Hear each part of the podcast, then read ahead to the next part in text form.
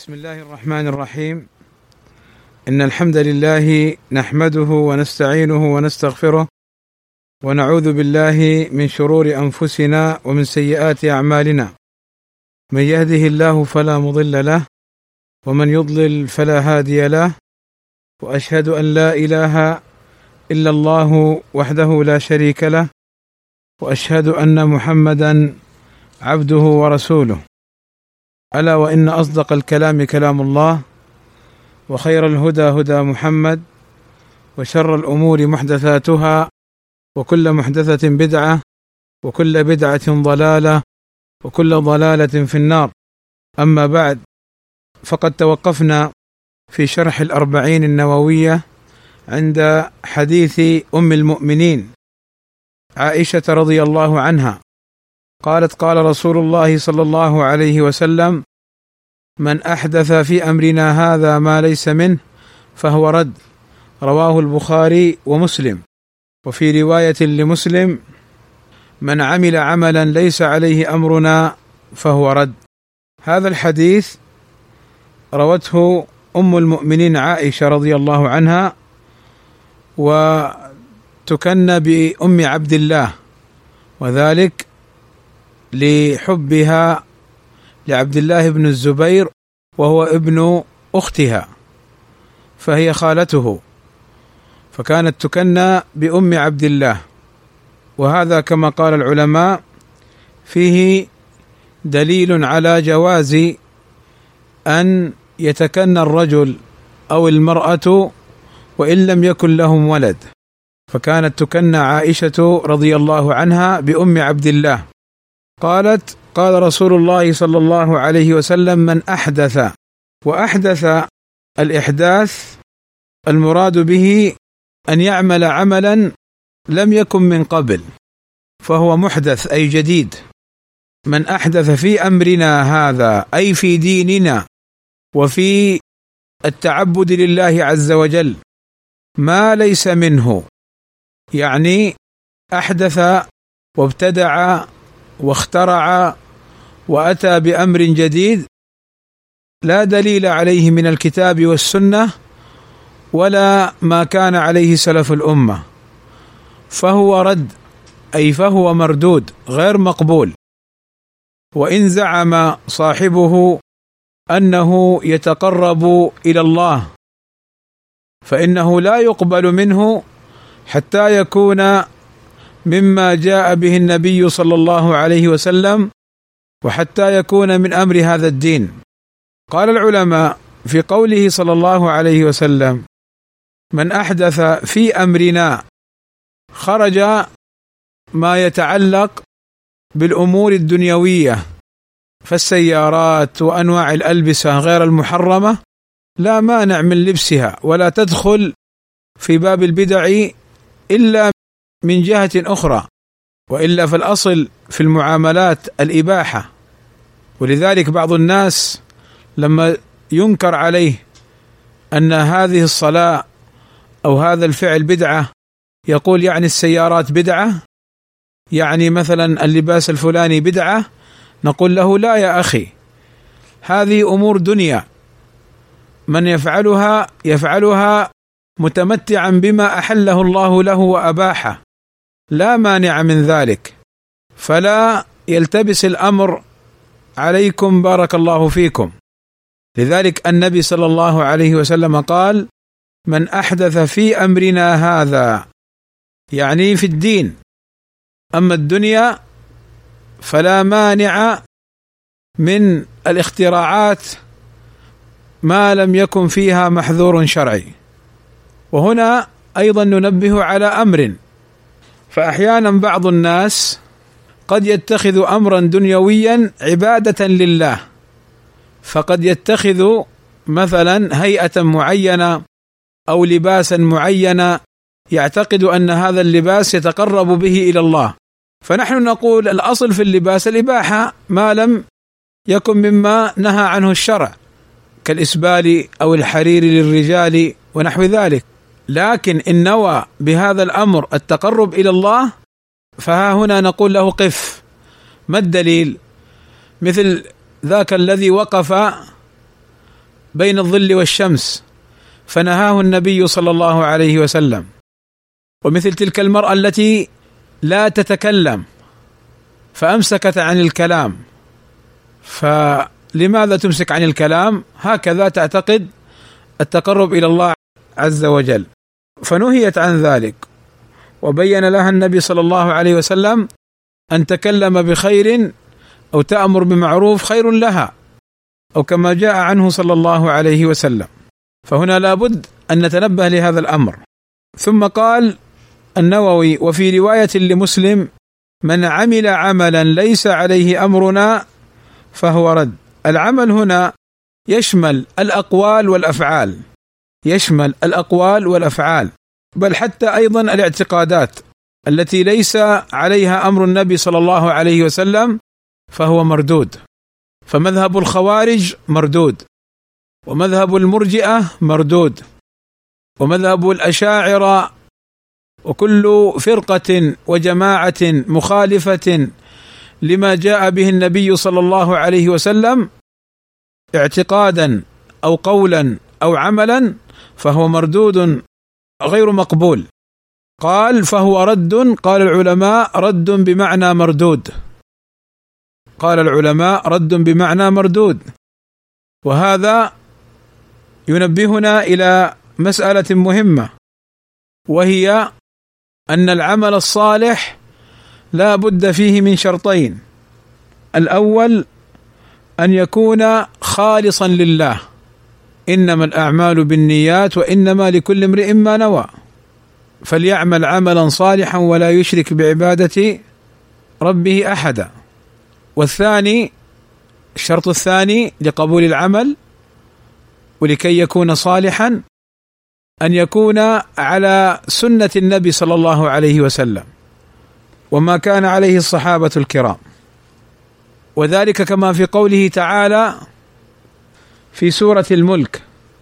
تبارك الذي بيده الملك وهو على كل شيء قدير الذي خلق الموت والحياة ليبلوكم أيكم أحسن عملا وهو العزيز الغفور. ليبلوكم أي ليختبركم أيكم أحسن عملا. سئل الفضيل بن عياض عن هذه الآية فقال العمل إذا كان خالصا لله موافقا لسنة رسول الله قبل. وإذا كان العمل غير خالص لله وإن كان موافقا للسنة لا يقبل. وإن كان خالصا لله وغير موافق للسنة لا يقبل. فاذا لا يقبل العمل إن فقد الإخلاص أو فقد شرط المتابعة لسنة النبي صلى الله عليه وسلم. بعض الناس قد يكثر من الأعمال الصالحات في الظاهر. فتأتي وتنظر لهذه الأعمال فتجد أنها من البدع والمحدثات ومما لم يأتي به النبي صلى الله عليه وسلم. فهؤلاء نقول لهم عملكم مردود غير مقبول. هذا إن كانوا يعملون اعمالا يظنون أنفسهم أنهم يتقربون إلى الله. فعملهم غير مقبول. فإن كانوا يعلمون أنهم بعمل هذه الأعمال هي مما لم يأتي به النبي صلى الله عليه وسلم ويعلمون ذلك فعملهم غير مقبول وآثمون أيضا. أما كونه غير مقبول فلهذا الحديث فهو رد أي مردود. وأما كونهم آثمون فلقوله صلى الله عليه وسلم مكررا في مجالسه وخطبه ألا وإن أصدق الكلام كلام الله وخير الهدى هدى محمد وشر الأمور محدثاتها وكل محدثة بدعة إن تأملوا الآن وشر الأمور محدثاتها وكل محدثة بدعة وكل بدعة ضلالة وكل ضلالة في النار. فهذا يدل على أن البدع ذنوب وآثام على أصحابها الذين يعلمون أنهم مبتدعة.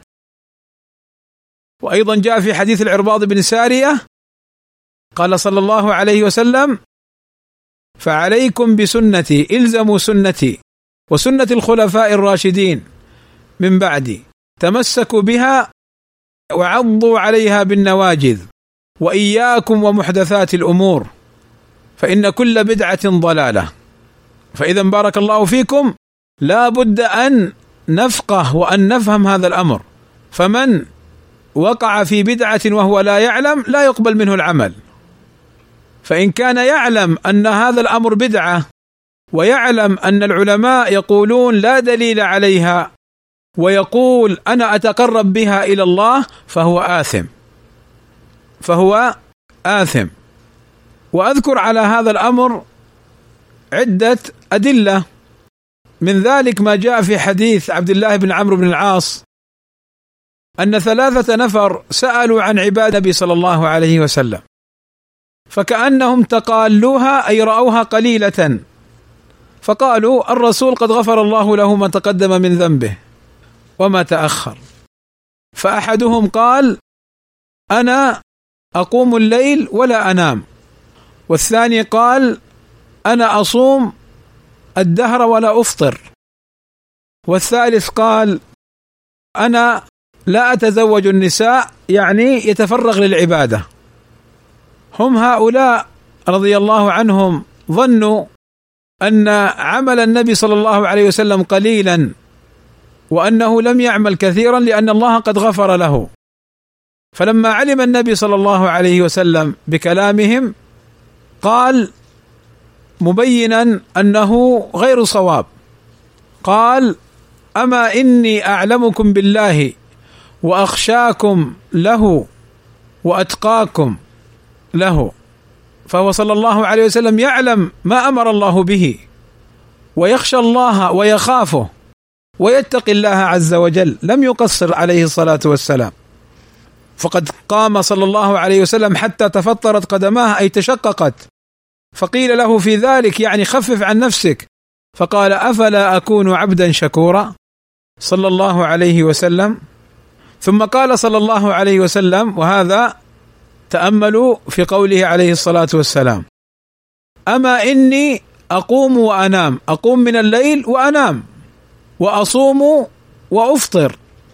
كما قال أنس أو أو كما جاء عن عائشة رضي الله عنهم أجمعين كنا نرى النبي صلى الله عليه وسلم يصوم حتى نقول لا يفطر. وكنا نراه يفطر حتى نقول لا يصوم. فكان يصوم ويفطر عليه الصلاة والسلام. وأصوم وأفطر وأتزوج النساء. فمن رغب عن سنتي فليس مني. تأملوا؟ من رغب عن سنتي يعني من لم يعمل بسنتي من ترك سنتي من أتى بأمر لم آت به فمن أراد أن يقوم الليل كله يصلي هذا أمر لم يشرعه الرسول صلى الله عليه وسلم فمن فعله؟ كما يفعل الصوفيه أنهم يصلون عشرات ومئات وبعضهم يزعمون آلاف الركعات هذا ليس على السنة. فمن أحيا الليل كله ليس على السنة. من أحيا الليل كله بالقيام ليس على السنة. كان صلى الله عليه وسلم ينام من أول الليل ثم يقوم في أوسطه أو ثلثه ثم ينام ثم يقوم عليه الصلاة والسلام. وكان لا يزيد في رمضان ولا غيره على إحدى عشرة ركعة. وكذا الصيام كان يصوم ويفطر. فمن صام الدهر من صام كل يوم هذا أتى بأمر لم يعمله النبي صلى الله عليه وسلم ولم يقله ولم يشرعه عليه الصلاة والسلام. فهذا لا يقبل منه ولو صام الدهر كله. وكذا من ترك النساء من باب التفرغ للعبادة والترهب والتبتل والتبتل معناه الانقطاع للعبادة المتبتل المنقطع للعبادة فإن هذا لا يقبل منه لماذا؟ هل هو أفضل من النبي صلى الله عليه وسلم؟ هل النبي صلى الله عليه وسلم لم يتزوج النساء؟ بل تزوج بل قال الله عز وجل: ولقد أرسلنا رسلا من قبلك وجعلنا لهم أزواجا وذرية. فهذا هدي الرسل والأنبياء عليهم الصلاة والسلام. أن كان لهم أزواجا وذرية فلما ترك النكاح وهو أمر قد شرعه الله عز وجل فالذي يترك النكاح من باب التفرغ للعبادة وحتى لا يشغل عن طاعة الله نقول له هذا أمر غير مشروع. نعم قد لا يتزوج الإنسان لعدم النفقة أو لإصابته بمرض أو لأمر آخر ما يستطيع على النكاح هذه قضية أخرى. هذا له أن يترك النكاح ولكن أن يترك النكاح بنية التقرب إلى الله بترك النكاح فهذا غير مشروع. انظروا بارك الله فيكم قال النبي صلى الله عليه وسلم فمن رغب عن سنتي فليس مني. هذا الذي يقوم الليل كله أو ذاك الذي يصوم ولا يفطر أو ذاك الذي لا يتزوج النساء ليس على سنة النبي صلى الله عليه وسلم فليس على هديه عليه الصلاة والسلام. أليس قيام الليل خير كله؟ أليس صيام الدهر خير كله؟ أليس التفرغ للعبادة وترك النساء خير كله؟ في الظاهر عند من لم يفقه سنة النبي صلى الله عليه وسلم نعم يقول خير. ولكن في حقيقة الأمر لا ليس بخير. لماذا؟ لأن النبي صلى الله عليه وسلم لم يشرعه. فهو مخالف لسنة النبي صلى الله عليه وسلم. ولأن من فعله فليس من سنة النبي صلى الله عليه وسلم فليس فيه خير. ولذلك لما يأتي من ينكر على من يفعل أمرا غير مشروع مثلا مثل الذين يحيون ليلة النصف من شعبان. أو مثل الذين يعملون الموالد مولد النبي صلى الله عليه وسلم. تأتي تنكر عليه. ماذا يقول؟ يا أخي تنكر الصلاة؟ يا أخي نحن نصلي على النبي صلى الله عليه وسلم. أنت تنكر الصلاة على النبي؟ لا نحن لا ننكر الصلاة على النبي ولا ننكر الصلاة والتقرب إلى الله.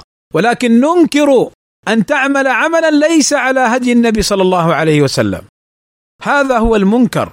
وهل النبي صلى الله عليه وسلم حين أنكر على من أراد أن يقوم الليل كله أنكر الصلاة؟ وهل النبي صلى الله عليه وسلم عندما أنكر على من أراد أن يصوم الدهر كله أنكر الصيام؟ وهل النبي صلى الله عليه وسلم حينما أنكر على من أراد التفرغ وعدم النكاح أنكر التفرغ لعبادة الله؟ لا. وإنما أنكر الأمور المخالفة لهديه عليه الصلاة والسلام.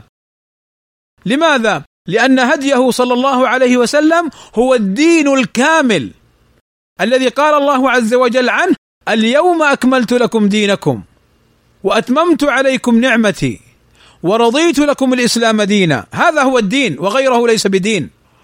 هل أنت حينما تأتي بعمل تتقرب به إلى الله ولم يشرعه النبي صلى الله عليه وسلم ولم يكن عليه عمل الصحابة رضي الله عنهم. هل أنت حين تعمل هذا هل أنت أفضل من النبي؟ هل الله أرسلك بهذا؟ ولذلك لا يوسوس لنا الشيطان ولا يخدعنا ولا يفتنا ولا نغتر بأن فلانا وفلانا من الناس ممن هم ظاهرهم صلاح أو قد يكون عندهم شيء من العلم أنهم قالوا بذلك أو فإن الحجة في كتاب الله وهدي النبي صلى الله عليه وسلم وما كان عليه أصحابه الكرام. نأخذ مثالا آخر أو دليلا آخر يبين هذا الأمر وهو يؤكد ما سبق. ابن عمر رضي الله عنه عطس رجل بجانبه فقال الرجل الحمد لله والصلاة والسلام على رسول الله. فقال ابن عمر يرحمك الله يا ابن أخي كلنا نقول الصلاة والسلام على رسول الله. ولكن رسول الله صلى الله عليه وسلم لم يعلمنا إذا عطسنا أن نقول والصلاة والسلام على رسول الله. وإنما علمنا أن نقول الحمد لله. فابن عمر رضي الله عنه أنكر على هذا الرجل هذا الأمر المحدث الذي لم يعلمناه النبي صلى الله عليه وسلم. هل ابن عمر حين أنكر على هذا الرجل أنكر الصلاة على النبي صلى الله عليه وسلم كما يقول بعض الناس حين تنكر عليه الموالد يقول يا أخي أنت تنكر الصلاة على النبي؟ حتى قال بعض الناس الوهابية ما يحبون النبي ليش؟ يقول لك ينكرون الصلاة على النبي لا ليس هذا بصحيح. بل أهل الحديث والإمام محمد بن عبد الوهاب وأتباع الإمام محمد عبد الوهاب هم من أكثر الناس صلاة على النبي صلى الله عليه وسلم. ومن أكثر الناس اتباعا لسنة النبي صلى الله عليه وسلم ولكنهم لا يبتدعون في دين الله ولا يخترعون ولا يحدثون في دين الله عز وجل وإنما أنكروا كما أنكر ابن عمر الابتداع والإحداث في دين الله عز وجل. فقالوا الموالد بدعة الرسول لم يفعلها والصحابة لم يفعلوها وإنما الذي اخترع الموالد وابتدعها هم العبيديون الفاطميون الروافض. الباطنية قبحهم الله. ولم يقل بها أحد من العلماء المعتبرين عند أهل العلم بل أنكروها بفضل الله عز وجل وبينوا أن هذا أمر غير مشروع. فابن عمر رضي الله عنه لم ينكر الصلاة على النبي وإنما أنكر الصلاة في هذه الصورة وتخصيصها. أن إذا عطست تقول الحمد لله والصلاة والسلام على رسول الله. فبارك الله فيكم تأملوا هذا الأمر. وأنا أضرب لكم أمثلة أخرى يقع فيها بعض الناس. بعض الناس إذا كرع أو كما يقول بعضهم ترع وهو خروج الصوت عن طريق الفم من الشبع ونحوه وامتلاء البطن فإذا كرع قال الحمد لله. نحن نقول له تعال. تقول الحمد لله ها هنا ما الدليل؟ هل الرسول أمرنا بذلك؟ هل فعله الرسول صلى الله عليه وسلم؟ هل الصحابة نقلوه عن النبي صلى الله عليه وسلم؟ الجواب لا. إذا نقول له غير مشروع. إذا كرعت أو ترعت إذا خرج منك الصوت لامتلاء البطن وتجشأت غير مشروع لك أن تقول الحمد لله. طيب إذا عطست أقول الحمد لله نعم وردت بذلك السنة.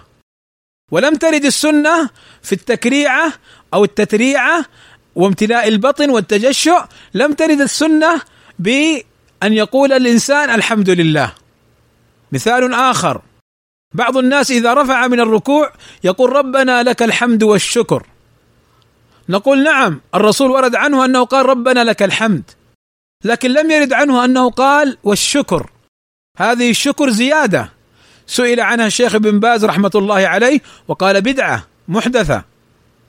طيب الله يقول ولئن شكرتم لأزيدنكم. نقول نعم قال الله وقليل من عبادي الشكور والشكر يحبه الله عز وجل فنحن نشكر الله ولكن الرسول صلى الله عليه وسلم لم يعلمنا بعد الرفع من الركوع أن نقول ربنا لك الحمد والشكر.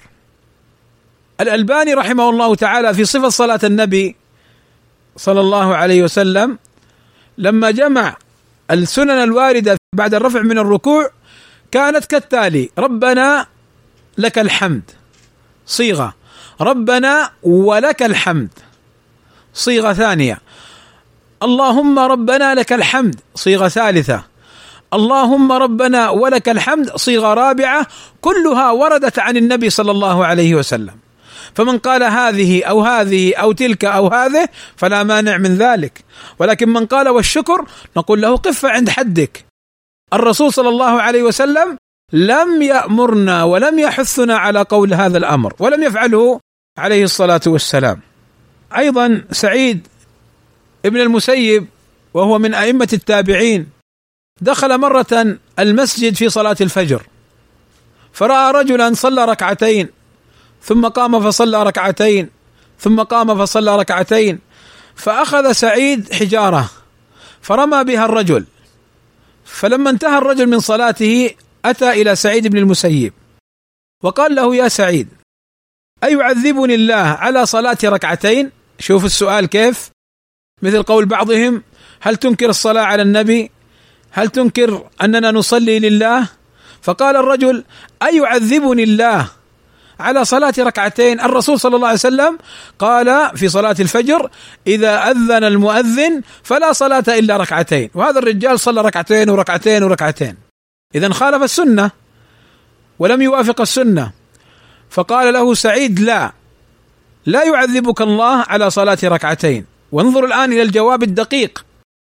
قال ولكن يعذبك الله على خلافك للسنة. ولكن يعذبك الله على خلافك للسنة. فتأملوا بارك الله فيكم كيف أن سعيد بين له أنك تعذب. وهذا دليل على ما سبق أن من أحدث امرا وابتدع لا يقبل منه العمل وإذا كان يعلم فهو آثم. قال إذا علمت وتخالف السنة فإن الله يعذبك على ذلك. هذا مراده. وللألباني رحمه الله تعالى تعليق لطيف على هذا الأثر. بين فيه أن مخالفة السنة أمر غير مقبول وأن هذا جواب دقيق ينبغي أن يحفظه كل واحد منا. يحفظ هذه القصة وهذا الجواب حتى يرد بها البدع ويبين لعامة الناس السنة من غيرها. اذا هذه الأمور كلها تبين لنا معنى هذا الحديث الدقيق. ولعلي أختم الكلام على هذا الحديث بذكر قضيتين. القضية الأولى القضية الأولى هي أن العلماء قالوا قاعدة الأصل في العبادات المنع إلا لدليل يعني لا يجوز لك أن تتعبد الله بأي عبادة حتى تعلم أنها مشروعة. وأن النبي صلى الله عليه وسلم شرعها. اذا الأصل في العبادات المنع وبعضهم يقول التوقف يعني لا يشرع لك فعلها ولا عملها ولا قولها ولا اعتقادها إلا بدليل. الأصل في العبادات المنع أو أن تقول الأصل في العبادات التوقف إلا بدليل. فلا تتقرب إلى الله إلا إذا علمت أن هذا الأمر قد شرعه النبي صلى الله عليه وسلم. ثم قالوا أيضا قاعدة أخرى الأصل في المعاملات الإباحة. المعاملات الدنيوية الأصل فيها الإباحة إلا بدليل. وهذا أيضا يعني فيه فائدة لنا. فبعض الناس قد يحرم بعض الأعمال. طيب لماذا تحرمها؟ ما الدليل؟ يقول حرام. بس كذا حرام. أنا أرى أنها حرام. لا. لا يجوز لك أن تحرمها. إلا إن ثبت دليل على ذلك. فالأصل في المعاملات الإباحة والإذن في فعلها أو تركها. هذا الأصل. لا مانع من ذلك. إلا إن جاء دليل يمنع. مثلا لباس الحرير يحرم على الرجال. لبس الذهب يحرم على الرجال. ما الدليل؟ النبي صلى الله عليه وسلم حين جاء معه ذهب وحرير قال هذان قال هذان حرام على ذكور أمتي حل لإناثها أو كما قال عليه الصلاة والسلام. فهذا دليل. أباح الذهب للنساء وحرم الذهب على الرجال. هذا الأمر الأول الذي أريد أن أنبه عليه. الأمر الثاني هناك أمور تستجد وأمور لم تكن في عهد النبي صلى الله عليه وسلم. فيجتمع العلماء الربانيون المجتهدون فينظرون في هذا الأمر ويحكمون بما يناسبه. فحينها لا يقال في هذا الأمر إنه محدث أو بدع لأن هذا الأمر لم يكن في عهد النبي صلى الله عليه وسلم وهناك حاجة لفعله ونصوص الشريعة تدل عليه. أعطيكم مثال. النبي صلى الله عليه وسلم كان لما ينزل عليه الوحي يكتبه كتاب الوحي وبعض الصحابة. وكان يحفظ من يحفظ من الصحابة القرآن. ولكن النبي صلى الله عليه وسلم مات حين مات ولم يكن القرآن مجموعا في كتاب واحد.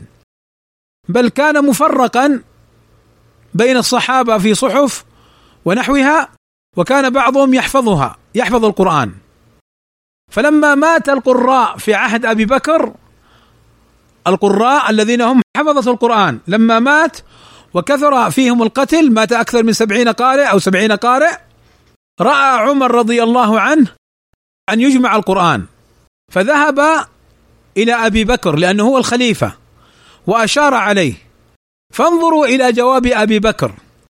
قال أبو بكر لا كيف أفعل أمرا لم يفعله النبي صلى الله عليه وسلم. فما رضي أبو بكر في أول الأمر أن يجمع القرآن. فما زال عمر يرادده ويراجعه ويبين له أهمية جمع القرآن وأنه يخشى لو مات الحفظة أن يضيع شيء من القرآن وأن جمع القرآن في كتاب واحد هو موافق للأدلة الشرعية. النبي صلى الله عليه وسلم لم يجمع القرآن لعدم الحاجة لجمعه في كتاب واحد. ولكن لما مات القراء في عهد أبي بكر خشي عمر من ضياعه ونسيانه. فما زال عمر رضي الله عنه يراجع أبا بكر رضي الله عنه حتى شرح الله صدر أبي بكر لجمعه فجمعه.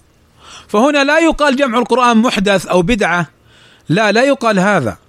لماذا؟